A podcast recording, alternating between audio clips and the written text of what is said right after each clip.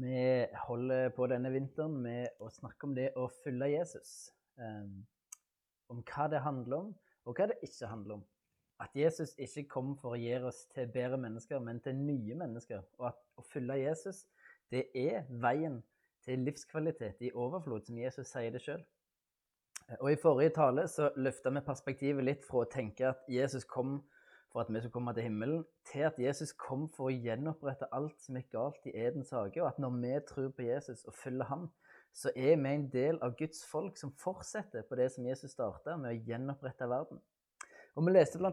fra Romerne 7, der det står at, eh, at Jesus kom eh, ikke bare for å tilgi synd, men, men, han kom for at vi skulle bære frukt for Gud. Eh, så det forteller oss et litt annet perspektiv, eh, og det skal vi se litt eh, på i dag. For det å bære frukt for Gud, det er, en, det, jo, det er, en, nydelig ting, tenker jeg. Det er veldig bra. Eh, men hvordan ser det ut? Hvordan fungerer det? Og hva hindrer oss i å gjøre det? Det skal vi se litt på nå i dag, og vi skal se på det, noe av det som Jesus sier i en av sine lignelser. Og Det står i Markus kapittel 4, vers 3-20, og det er såmannslignelsen. Der sier Jesus, Hør, sa han. En såmann gikk ut for å så, og da han sådde, falt noe ved veien, og fuglene kom og tok det. Noe falt på steingrunn hvor det var lite jord, og det eh, skjøt straks i været fordi jordlaget var tynt. Men da solen steg, ble det svidd og visnet fordi det ikke hadde fått slått rot. Noe falt blant tornebusker, og tornebuskene vokste opp og kvalte det, så det ikke bar frukt. Men noe falt i god jord. Det skjøt opp, vokste og bar frukt 30, 60, ja 100 ganger det som ble sådd. Og han sa, Den som har ører å høre med, hør. Da han var blitt alene med de tolv og de andre som var med ham, spurte de ham om lignelsen. Han svarte, Til dere er hemmeligheten om Guds rike gitt, men til dem som er utenfor, blir alt gitt i lignelser, for at de skal se og se, men ikke skjelne, høre og høre, men ikke forstå, så de ikke vender om og får tilgivelse. Og han sa til dem, Når dere ikke forstår denne lignelsen, hvordan skal dere da forstå noen annen lignelse? Såmannen sår ordet.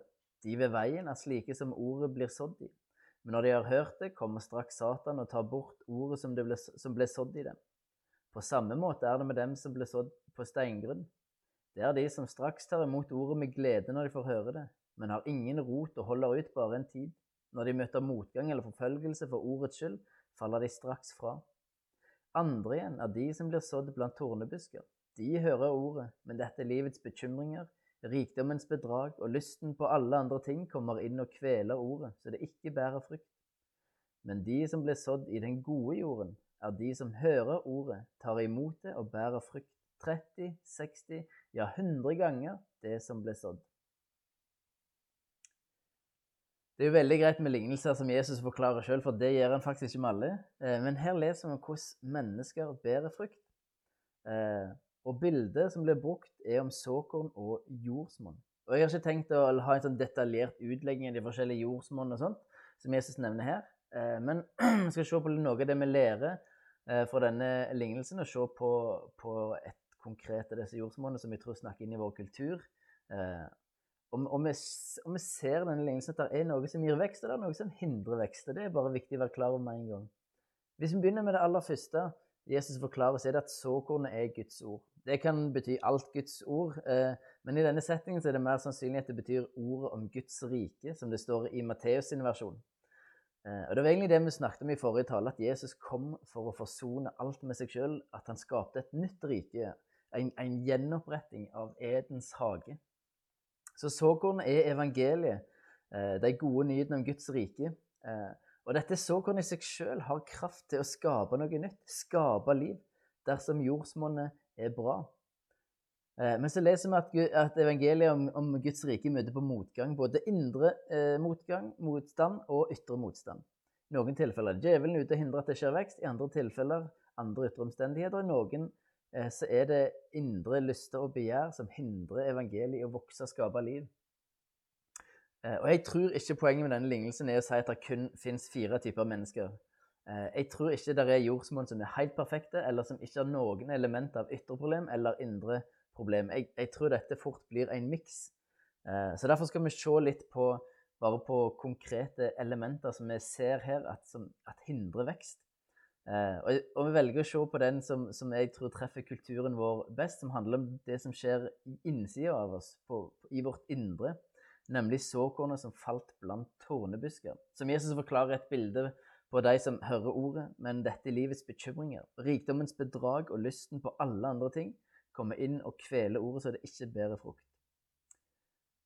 Dette er altså ting som kveler såkornet. Evangeliet om Guds rike. Så vi trenger å se litt på dem, selv om vi kanskje syns dette er litt ubehagelig. For, for, det er vanskelig å ikke føle seg truffet av det som Jesus beskriver her. Han treffer kulturen vår ganske godt. Og Det som er viktig å være klar over, er at Jesus snakker ikke om disse jordsmonnene som om det er noe statisk, som noe som alltid kommer til å være sånn. Poenget er at det går an å gjøre noe med. Det går an å luke jordsmonnet sitt. Eh, så La oss se litt på de tingene som Jesus nevner av indre ting som hindrer vekst, som, som kveler evangeliet. Og Det første Jesus nevner, er dette livets bekymringer. Bekymring er noe som hindrer evangeliet om Guds rike i å vokse i oss og skape liv. Og hvorfor det? Er det ikke ganske vanlig å bekymre seg? Jo, det er, det er, veldig vanlig, men det betyr ikke at det er bra for deg. Eh, hva er egentlig bekymringer? Hva er det for noe? Hvis vi går til kjernen av bekymring, hva er det? Bekymring handler om å fokusere på ting som vi ikke kan kontrollere. Og I et kristent perspektiv så handler det i bunn og grunn om mistillit til Gud. Vi tror ikke at Gud kommer til å ordne ting sånn som vi mener de burde blitt ordna. Vi tenker at vi vet bedre enn Gud, og derfor så bekymrer vi oss. Vi tenker på ting som vi egentlig har kontroll på, og ser for oss hvordan dette egentlig bør løses. Eh, og så er det egentlig en mistillit til Gud. Og det er ikke så vanskelig eh, å forstå at mistillit til Gud kveler evangeliet om Guds rike i oss. Eh, det, det, den, den, ser vi, tror jeg. At ok, ja, hvis vi har mistillit til Gud, så er det vanskelig at dette vokser. Men hva kan vi gjøre med det, da? Eh, og dette er ikke en quick fix. Eh, men tro handler jo om å stole på noe. Når vi tror på Gud, så betyr det at vi stoler på Gud. Martin Luther King Jr. jr. har sagt det at faith is taking the first step even when you don't see the whole staircase. Altså, tro handler om å gå på tross av at du ikke har kontroll, om å slippe kontroll, om å gi den til Gud, og at den trua, den tilliten som vi kan få til Gud, den kommer av erfaring av Guds omsorg for oss. Eh, som vi nevnte i den første talen, så et av premisser for å følge Jesus det som trenger å ligge i bunnen for alt i vår tro, er at Gud alltid vil oss det beste. Det er vi nødt til å tro på, nødt til å stole på. Eh, Gud vil deg alltid det beste. Det må vi stole på. Det trenger vi å stole på. Vi trenger å øve oss på å gi Gud kontroll og gi Han våre bekymringer. Og stole på at Gud fikser dette på best mulig måte, for den elsker oss så enormt høyt. Han vil oss det beste. Og det er ikke lett. Det kan jeg godt si. Det er ikke lett men det er stor, stor frihet i dette her. En mye større frihet tror jeg, enn vi er klar over. At vi ikke trenger å gå og tenke på ting som vi ikke har kontroll over. Den neste tingen som Jesus nevner, er rikdommens bedrag. Eh, som en annen ting som kveler de gode nyhetene om Guds rike. Og Nå er vi inne på noe som har blitt ganske tabu i kristne settinger. Det å snakke om rikdom og penger det er noe vi sjelden gjør, i frykt for å støte eller krenke noen. Eh, men penger og rikdom er faktisk noe det Jesus snakker mest om. Og det må det være en grunn for. Det, det, det er noe viktig her.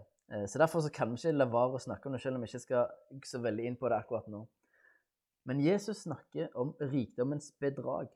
Altså, Jesus snakker ikke om rikdom i seg sjøl som noe galt. Og det er viktig å være klar over. At Bibelen sier aldri at det er galt å være rik, men er tydelig på at det kan føre til problemer, og det kan være utfordrende kanskje mer utfordrende å være rik enn å ikke være rik. Men Jesus snakker altså om rikdommens bedrag, og jeg tror de fleste av oss forstår og kan gjenkjenne hva Jesus mener med det. Det handler om at vi blir lurt til å tro at hvis vi bare får mer penger, mer lønn, sånn at vi kan kjøpe oss det vi har lyst på, eller være trygge hvis det skulle bli krise, eller sikre framtida våre unger, da vil vi bli lykkelige, da vil vi bli trygge. Eh, det er rikdommens bedrag. Eh, og det er viktig at vi erkjenner og prøver å ta inn over oss og handle på at dette faktisk er et bedrag. Dette er ikke sant, det er ikke virkeligheten, det er et bedrag. Du vil ikke bli lykkelig av det. Hvorfor driver de som har mange milliarder med å skaffe seg mer penger? Trenger de det? Nei, kanskje det er en dreiv, men, men ligger det ikke et bedrag her? Hva gjør at vi tenker at hvis vi bare får den tingen så, som du tenker på, så vil du bli lykkelig? For du har en sånn ting garantert. At hvis jeg bare har den, da eh. Og både jeg og du har trodd den løgna mange ganger, det bedraget, og så fikk vi den tingen. Og så går det et par uker, så har det kommet en ny modell eller en annen farge eller et eller annet, og så er det på'n igjen. Eh. Det er et bedrag. Og vi går på den der gang på gang. Vi trenger å bare erkjenne at nei, dette, den nye bilen eller et eller annet, hva vi drømmer om, det kommer ikke til å gjøre meg lykkelig, det kommer ikke til å gjøre meg trygg. Det kommer ikke til å gi meg det som jeg lengter etter. Og Av og til så kommer sannheten fra plasser som en ikke alltid tenker skal komme fra. Og det hender at, for eksempel, at sånn som Disney og Pixar eh, kommer med sånne sannheter. Og i filmen eh, 'Over hekken' så er det, får de ganske tydelig fram sannheten når en av karakterene sier at for menneskene er nok aldri nok. Eh, og det er så sant. Og det er rikdommens bedrag. Vi tror på den hele tida, dessverre. At, at, vi må bare få oss litt mer, så blir vi lykkelige. Det er rikdommens bedrag. Eh, og det handler egentlig om at vi plasserer vår lykke og trygghet på en plass som aldri kan gi oss det vi egentlig vil ha. For vi er ikke skapt av vår lykke og trygghet i rikdom, penger eller ting, men i Gud. Hør hva David skriver i Salme 4, vers 7-8. Mange sier, 'Hvem kan gi oss lykke?' La lyset fra ditt ansikt skinne over oss, Herre. Du gir meg større glede i hjertet enn andre får av korn og vin i overflod. Kjenn etter på en måte hjertet til David her, hva han har opplevd. Korn og vin er ressurser, det er rikdom, det er trygghet. Eh, det, men, men, det forsvinner òg lett. Men David sier at Gud gir en større glede i hjertet. Gud gir en den lykken mye mer enn en all verdens penger eller ting kan gjøre. Rikdommens bedrag hindrer vekst fordi vi plasserer våre lengsler på feil plass. Og vi stoler ikke på at Gud kan gi oss lykke og trygghet. Så vi tar saken i egne hender og lar ikke evangeliet om Guds rike få lov til å å, å og virke i oss Guds ønske om å forsørge oss, gi oss trygghet. Vi lar det ikke få lov til å, uh, å få, få sett slå rot i hjertene våre. Og det trenger vi å være klar over. Så sier Jesus en siste ting han sier, som hindrer vekst, nemlig lysten til alle andre ting. Alle andre ting enn hva? Nei, Det sier ikke Jesus noe om, men ut fra settingen så er det stor sannsynlig for at det betyr lysten til alle andre ting enn det som har med Guds rike å gjøre som i bunn og grunn er alt det Gud ønsker å gjøre i denne verden. Eh, og det står ikke at vi ikke har lyst til det som har med Guds rike å gjøre, men mer at denne lysten blir overkjørt av lysten til alt mulig annet.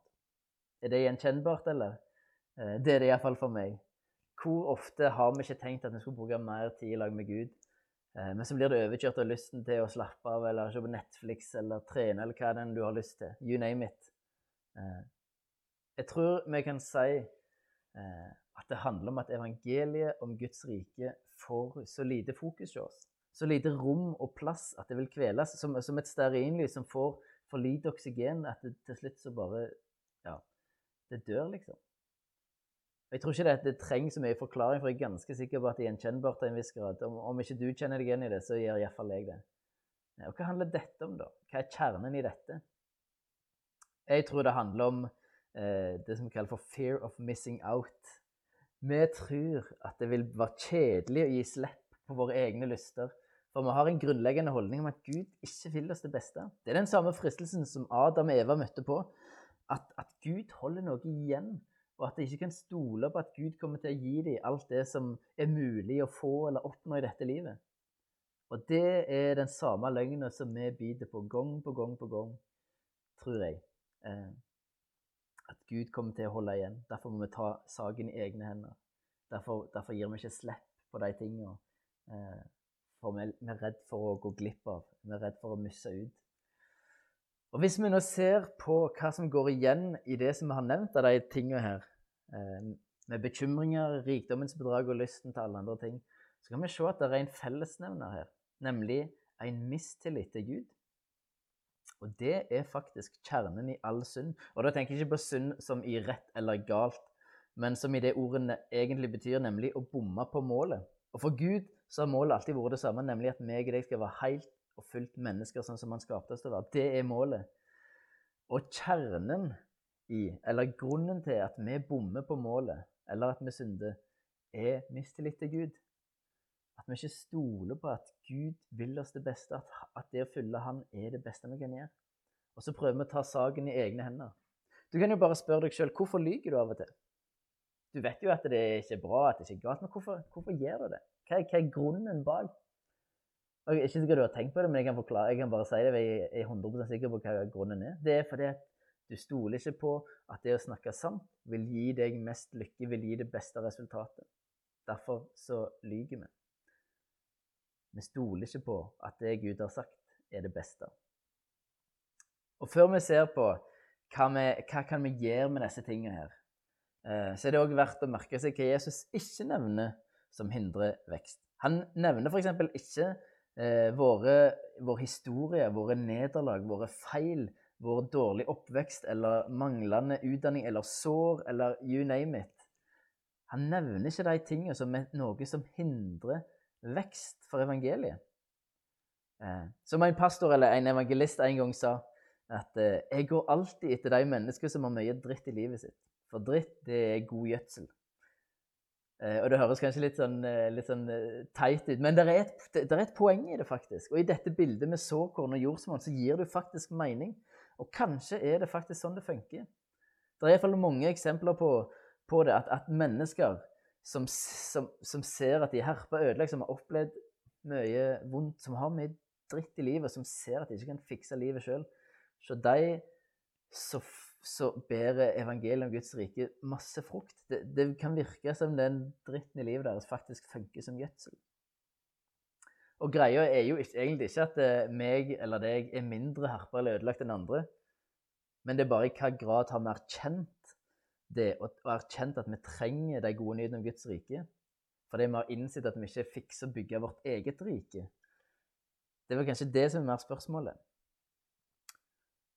Men hva kan vi gjøre med dette? Som, som sagt tidligere, så, så, tror jeg at alle mennesker i større eller mindre grad har elementer i sitt indre som hindrer vekst. Spørsmålet er hva kan vi gjøre med det?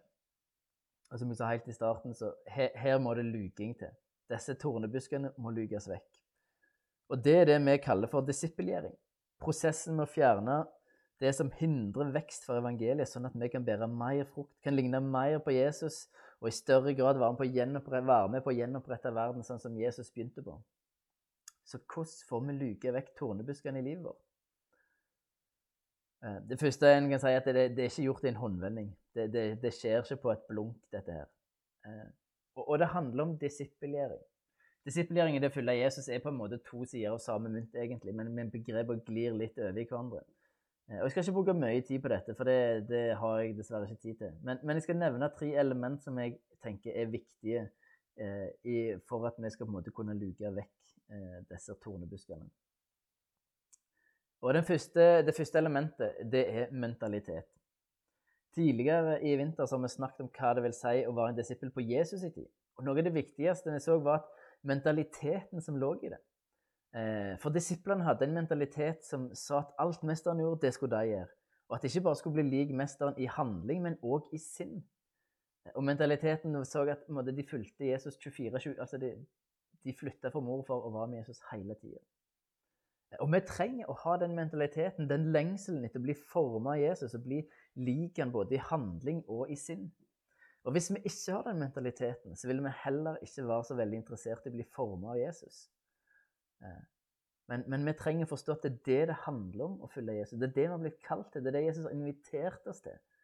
Det er, er å følge Jesus, og det er å ha den mentaliteten om å bli forma av han og bli ledet av han eh, til det livet som han har i vente for oss. Så vi trenger, vi trenger å, å, ha den mentaliteten og forstå at dette er den vi er nå. Dette er det, det livet handler om, å følge Jesus. Eh, og bli lik han, ikke bare i handling, men i tanken sin. Så den mentaliteten den må vi øve oss på å ha. At, ja.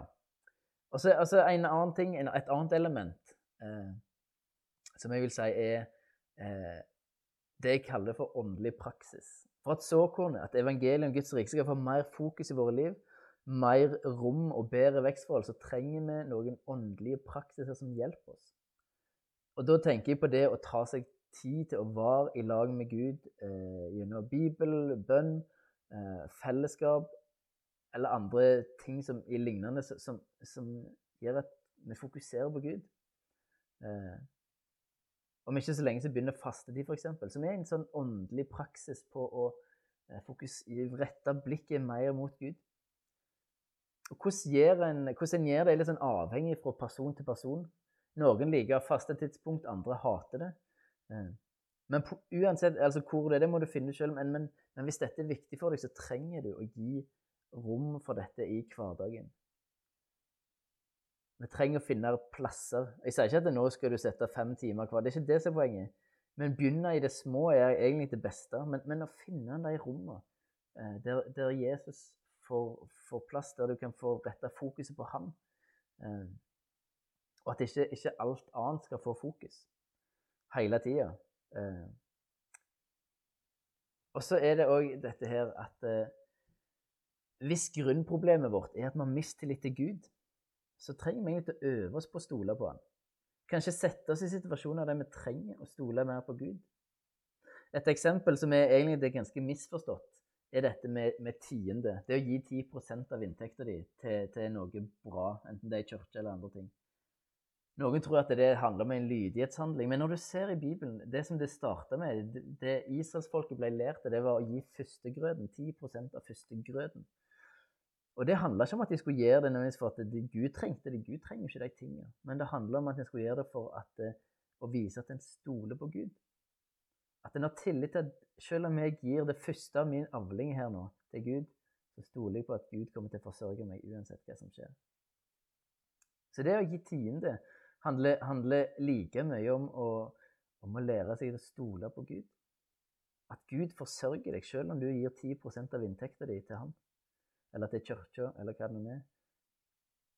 For Gud vil forsørge deg, men vi trenger å erfare det. Og litt av problemet vårt i Norge er at vi trenger ikke erfare Guds omsorg, for vi klarer oss altfor fint sjøl. Med mindre du opplever en krise i livet. Det er ofte da folk sier 'oi, jeg trenger Gud'. Men hvis du ikke har en sånn krise, så, så må vi rett og slett prøve å gjøre noe med det sjøl. Så det har jeg lyst til å oppfordre deg til. Eh, sett deg i situasjoner der du, der du, der du trenger å stole mer på Gud. Eh, ofte er det sånn hvis, hvis vi f.eks. ber Gud Gud, jeg trenger mer tålmodighet, så er det ikke sånn at Gud plutselig bare gir oss mer tålmodighet. Men han setter oss i situasjoner der vi trenger å utvise tålmodighet. Og Sånn er det nok òg hvis vi ber om at Gud, jeg trenger å stole mer på deg. Så det er ikke sånn at Gud plutselig gir oss masse tillit, men at vi blir satt i situasjoner der vi trenger å stole på Gud.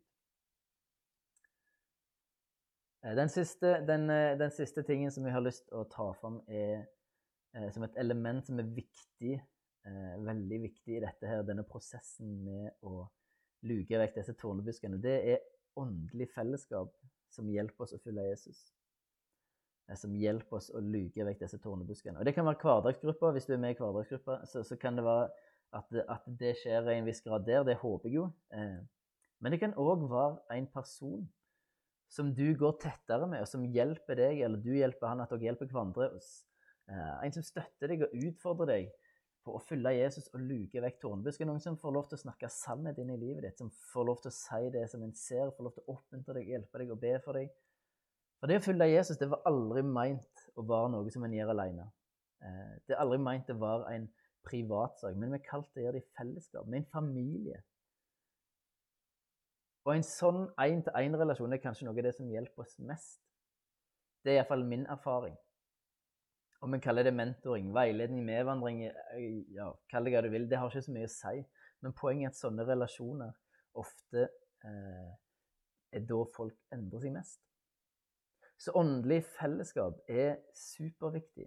Det gjelder både gudstjeneste. Jeg vil anbefale deg å gå på gudstjeneste. Jeg vil anbefale deg å være med i hverdagsgrupper. Jeg vil anbefale deg òg å ha en person som du går tettere med. Eh, som, som, får lov til å snakke sannhet inn i ditt liv, som får lov til å hjelpe deg. Gå i lag med deg eh, i de utfordringene du står i, og, og, i de problemene du møter, eller hva det nå er. Og, og kan hjelpe deg å luke, og du kan hjelpe han eller hun å luke deres eh, tårnebusker. Men åndelig fellesskap er kjempeviktig. Og jeg tror de tre tingene her med mentalitet eh, og med, med, åndelige praksiser og med åndelig fellesskap, jeg tror de kan hjelpe oss i det å luke vekk disse tingene som kveler evangeliet om Guds rike i våre liv. Dette var egentlig kort om hva jeg tror kan hjelpe oss. Eh, diskuter gjerne dette i hverdagsgruppa eller med andre. Kanskje det er ting som du har erfart som funker bra. Da må du dele det med, med, med oss andre. Eh, men det som er udiskutabelt, er at dette her er veldig viktig. Og dette er ting som vi trenger å ta på alvor. For jeg er ganske sikker på at vi kjenner egentlig en lyst til å være mennesker som bærer frukt eh, og er til velsignelse for andre mennesker og for samfunnet. Jeg, jeg, jeg tror vi har en lyst til det. Jeg, jeg, tror det ligger i oss at vi har et ønske om, om å være sånne mennesker. Og det er evangeliet om Guds rike som, som vil for, forandre oss til å, til å, være sånne mennesker, som vil gjøre at vi er sånne mennesker. Og da må vi ta denne undervisningen fra Jesus på alvor. Og så må vi huske til slutt, alt aller siste her, at det, dette her er sagt i kjærlighet. Det er sagt fordi Jesus ønsker å velsigne deg og lede deg til livskvalitet i overflod. Det er ikke sagt for å plage deg eller for å gjøre livet ditt surt. På ingen måte. Men dette er sagt i kjærlighet for at Jesus ønsker å velsigne livet ditt og gjøre deg til det mennesket eh, som du var meint å være. Og når du er det, blir det mennesket, så, så, kommer du til å oppleve en livskvalitet som du ikke har opplevd før. Så bare husk det. Det er veldig viktig. Til slutt så har jeg noen sånne refleksjonsspørsmål som jeg vil at du skal, at du skal tenke litt over. Kanskje kan dere ta dette opp i, i hverdagsgruppa. Altså, første spørsmål. Vi har sett på bekymring, rikdommens bedrag og lysten til alle andre ting. Eh, er det en av disse her som du kjenner deg mer igjen i? I så fall, hvorfor tror du det? Hvor, og, og hvor kommer de fra? Bare reflekter litt rundt akkurat det. Eh, og hvis det er en av du kjenner at dette, ja, denne, denne her er jeg er mer utsatt for bekymringer tror jeg, enn de to andre, f.eks. Så bare tenk litt ja, hvorfor. Og se hva, du, hva, hva er veien ut av det. Neste spørsmål er Kanskje du tenker at ah, det er jo ikke så nøye å styre og stresse med dette så lenge jeg kommer til himmelen. Eh, hvis du tenker det, hvorfor tenker du det i så fall? Hva ligger bak den tanken der? Hva, hva, hva er kjernen i den tanken? Det vil jeg skal reflektere over. Jeg blir ikke overraska om noen tenker det.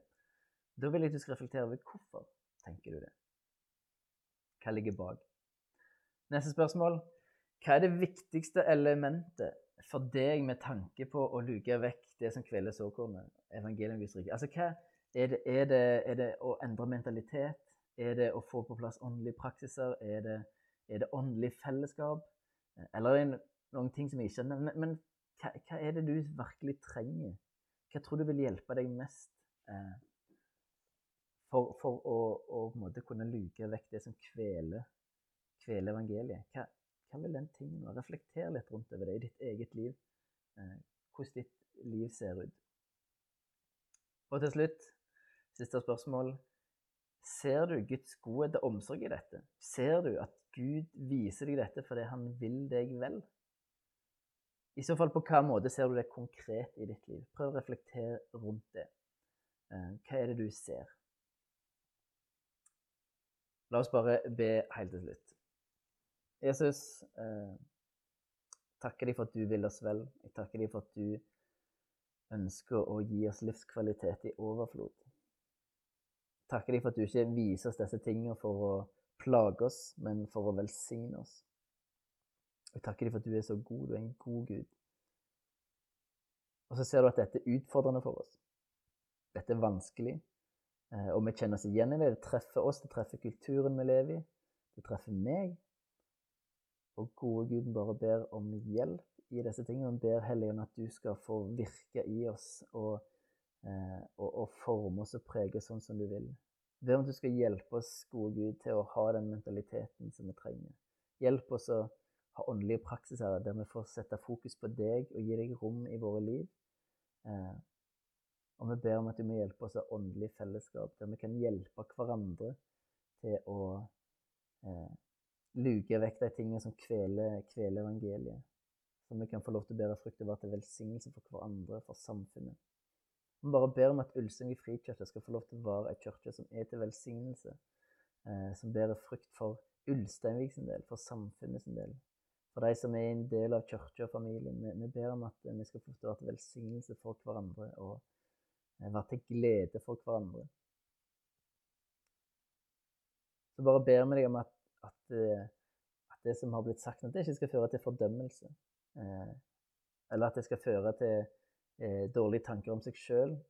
Men heller at det skal føre til at vi kan få se hva som er mulig, hva du har lyst til å gjøre, og hva du ønsker å gjøre Og at evangeliet er noe så enormt kraftfullt. Det er så kraftfullt. Det kan gjøre store ting. At vi, vi må hjelpe og luke vårt jordsmonn. Vi har bare lyst til å legge oss selv i dine hender, Gud. Vi trenger deg så enormt masse. Eh, vi trenger at du virker i oss. Vi har lyst til at du skal virke i oss. Vi har lyst til å, at du skal få stor plass i våre liv. Hjelp oss til det, Gud. Så ber vi for uka som ligger framfor.